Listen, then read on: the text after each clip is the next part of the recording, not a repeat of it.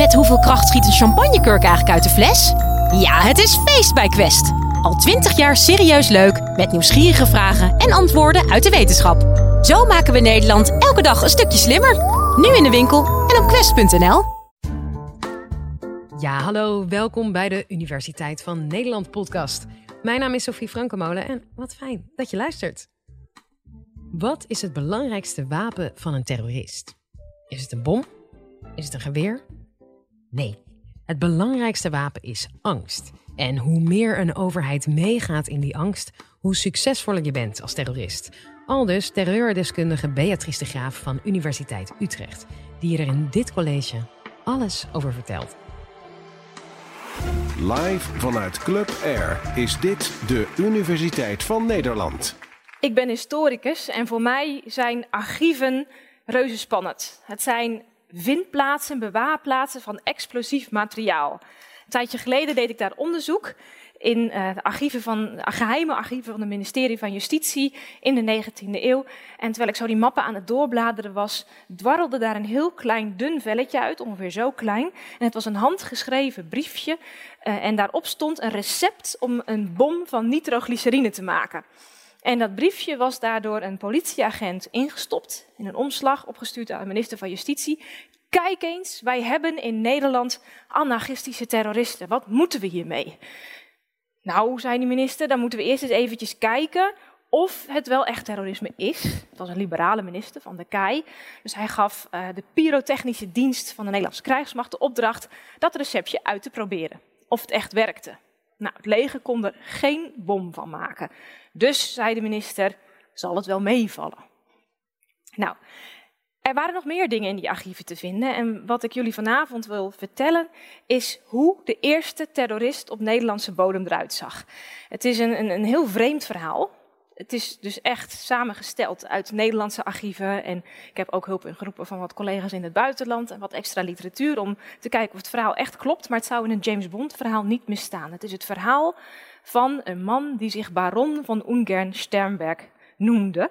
En hij was een exponent van wat we wel de eerste golf van terroristisch geweld in de moderne tijd noemen: het gewelddadig anarchisme. Wat ik eigenlijk altijd zeg als, tegen studenten als ik me bezig hou met terrorisme, als ik daar college over geef, is dat iedereen zijn eigen visie en versie heeft van wat een terrorist is. Het is een heel glibberig concept. Wat moet je ermee? Wat ik doe is het historiserend te benaderen en terug te kijken in de tijd wanneer het door de autoriteiten, de instanties werd gebruikt om op iemand werd geplakt. In die moderne tijd zien we vier grote golven van terroristisch geweld. Het is een model wat uh, geïntroduceerd is door een Amerikaanse onderzoeker, David Rappaport.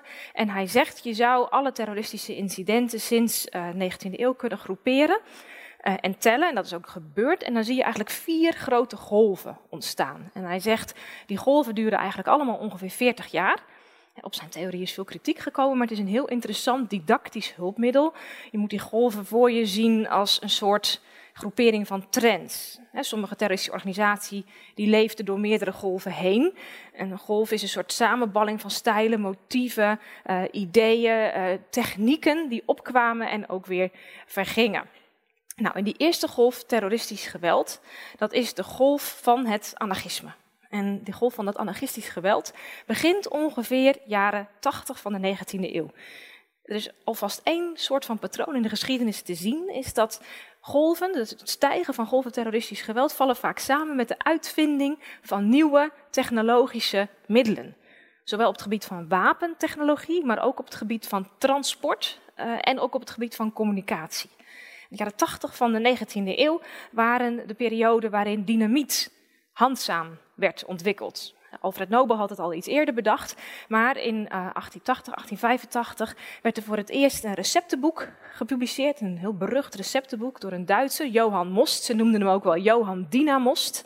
En uh, het was een, een, een, receptenboek waarin hij een recept voor uh, knalkwikzilver bedacht. En ook bedacht hoe je handzaam kleine pakketjes dynamiet mee kon smokkelen om zo heel effectief bomaanslagen te veroorzaken. Nou, dat was een nieuwe vinding. Wat ook interessant was natuurlijk de ontwikkeling van de telegraaf de telefoon. nieuwe media, kranten, tijdschriften, stoomschepen, waardoor je ook veel sneller kon vluchten, bijvoorbeeld. En ook veel sneller contact kon leggen met andere anarchistische collega's in andere landen. Dus het was een middel dat de tijd en de ruimte voor de mensen verkleinde. Time-space compression noemen we dat. 1 mei 1894 ontplofte er in Luik, in een kerk, een hele zware bom, een 6 kilo zware bom. En die bom was daar gelegd door een stelletje Luikse anarchisten die dat deden uit solidariteit met gevangen kameraden in Amerika. Dus heb je al het internationale element te pakken. De lokale daders werden al snel gepakt en die wezen allemaal met de vinger in de richting van een mysterieuze figuur. Ene baron van Ungern-Sternberg. Nou, dat is een naam, dat is eigenlijk een naam die gedragen wordt in illuster geslachte uit de Oostenrijkse Habsburgse monarchie. Een naam van, van rang en standing. Dus het is eigenlijk heel vreemd dat hij gekoppeld werd aan een terrorist. En die man die had ook een hotelkamer geboekt, maar die was daar niet meer te vinden. Op zijn bed lag, heel fijn, heel handig, lag alleen nog één briefje met precies daarop vermeld de namen van zijn helpers een aantal Duitsers, Belgen, maar ook Nederlanders. Dus vanaf dat moment werd ook de Nederlandse minister van Justitie, de procureurs, werden ingeseind. Want, zo ging ook het gerucht, deze baron was naar Maastricht gevlucht. Zo werd minister Justitie van der Kaai op de hoogte gesteld als een procureur dat er niet alleen een voortvluchtige anarchist in Nederland zich bevond, maar dat ook op dat briefje de namen stonden van bekende Nederlandse politieke figuren.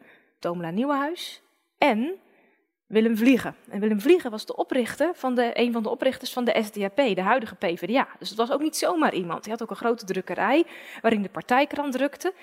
Dus zei die procureur, we moeten het hele boeletje oprollen. Rustig aan, zei de minister. Ik stel mij zo voor dat het een soort opsteltetype was.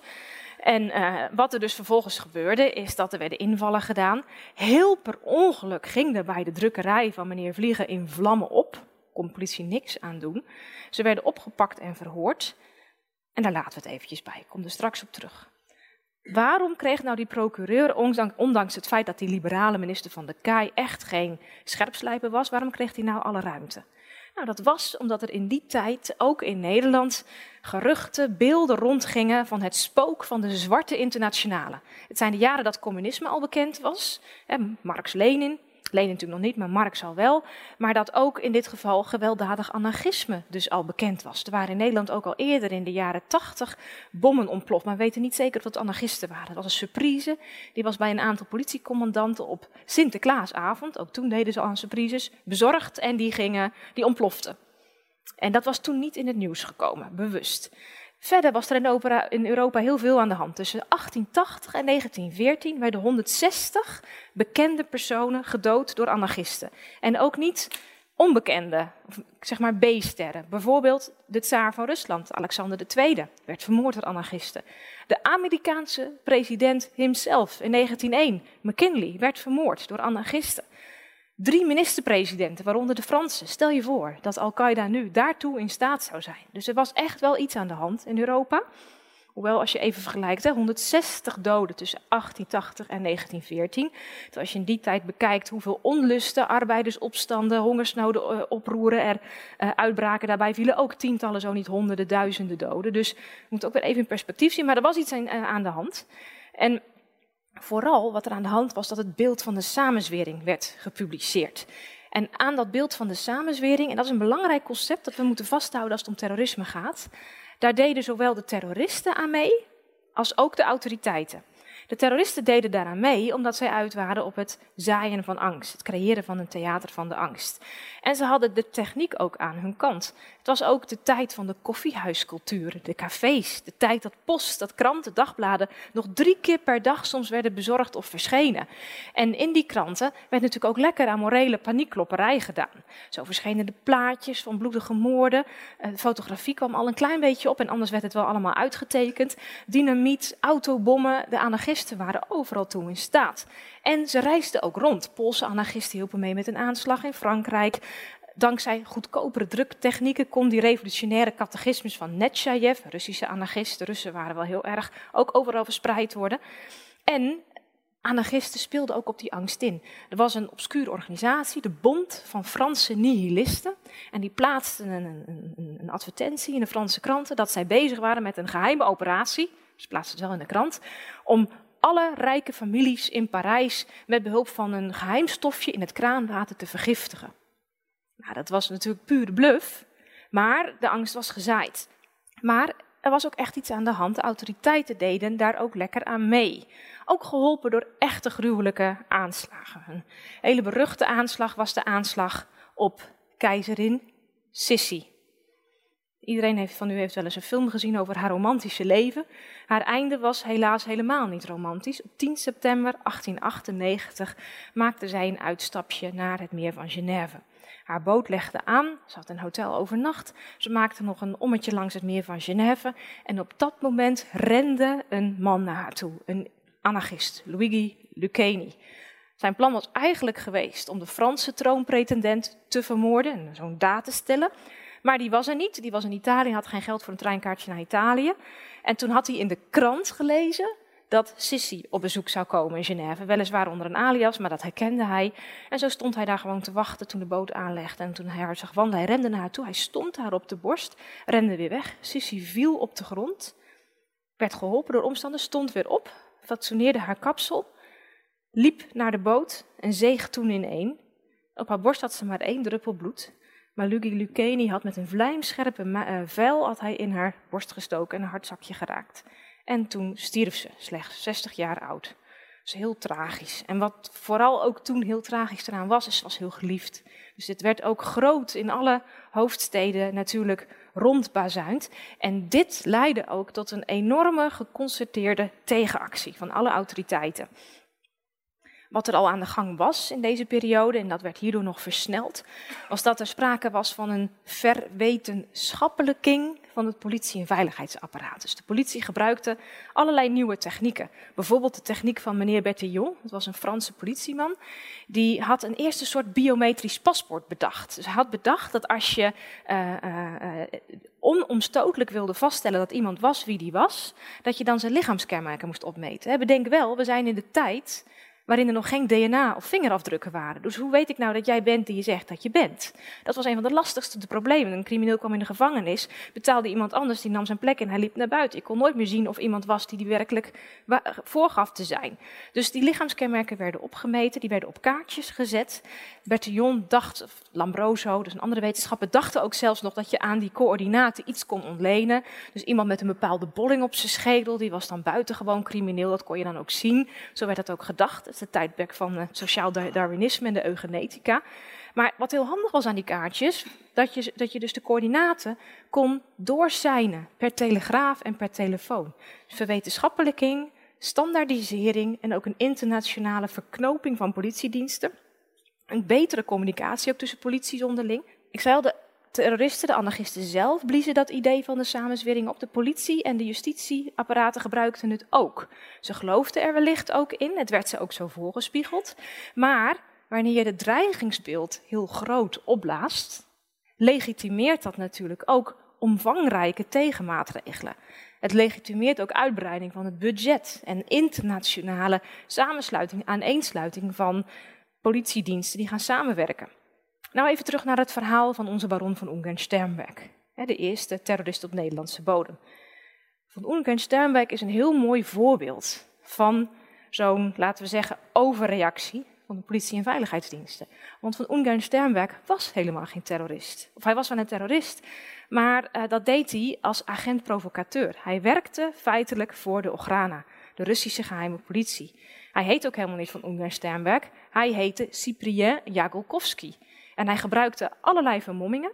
Hij was door de Russen naar de westerse hoofdsteden gestuurd om hier voor onrust te zorgen. Want de tsaar vond dat westerse landen veel te laks omgingen met al die socialisten en die communisten. In Nederland heerste er ook vrijheid van vergadering en meningsuiting.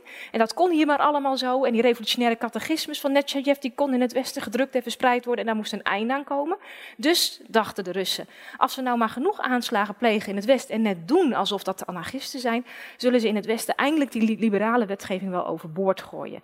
En met dat doel was Cyprien Jakolkovski en met hem meerdere naar het westen gekomen. In Nederland lukte het niet helemaal, Aan de andere kant, er kwam weliswaar geen grote nieuwe wetgeving. De politie kreeg wel, en ook de officier van justitie kregen wel hun zin. Er kwam een nieuw rechercheklasje, het eerste rechercheklasje in Nederland, politie en burger. Meer inlichtingen, werk langs de grens. Mochten rechercheurs patrouilleren waar dan al die zogeheten vluchtelingen en anarchisten binnen zouden komen. Vreemdelingen werden strenger gecontroleerd. De STAP moest het nog wel echt een paar jaren ontgelden. Beveiliging werd overal opgevoerd, ook rondom het paleis het Loo bijvoorbeeld. Dus je ziet dat ondanks het feit dat in Nederland getracht werd het klein te houden, dat er toch meer gebeurde. En verder, wat, wat je ook nog zag gebeuren in 1898, twee maanden na de moord op Sissi, werd de eerste internationale conferentie uh, voor de sociale verdediging tegen anarchisme georganiseerd. Het was een conferentie van een heleboel landen, 54 mensen uit 21 landen, die daar ook voor het eerst als een soort uh, ja, prototype van Interpol of de VN terrorisme als terror, anarchisme als terrorisme definieerden. En ook met elkaar afspraken dat ze voortaan dat biometrische paspoort van Bertillon zouden hanteren, kaartenbakken zouden aanleggen en elkaar zouden helpen ook op gebied van uitlevering. Dus je ziet, er gebeurde wel van alles. Nou, hoe eindigde deze golf nou? Je zou kunnen zeggen, ze gingen aan hun eigen klungeligheid ten onder, die anarchisten, waren vaak niet goed voorbereid. Ze waren ook intern vaak heel erg verdeeld. Het waren en bleven anarchisten, ze konden gewoon niet organiseren. En ze hadden vaak ook geen steun van de socialisten en de communisten, die namen juist heel erg afstand van hen. Ze werden ook bejegend met zware repressie. En in uh, Rusland en de Sovjet-Unie transformeerden ze van straatterroristen naar een bona fide communistische partij. Dus je zou kunnen zeggen, daar eindigt het omdat het succes had. Wat kunnen we hier nou uit concluderen?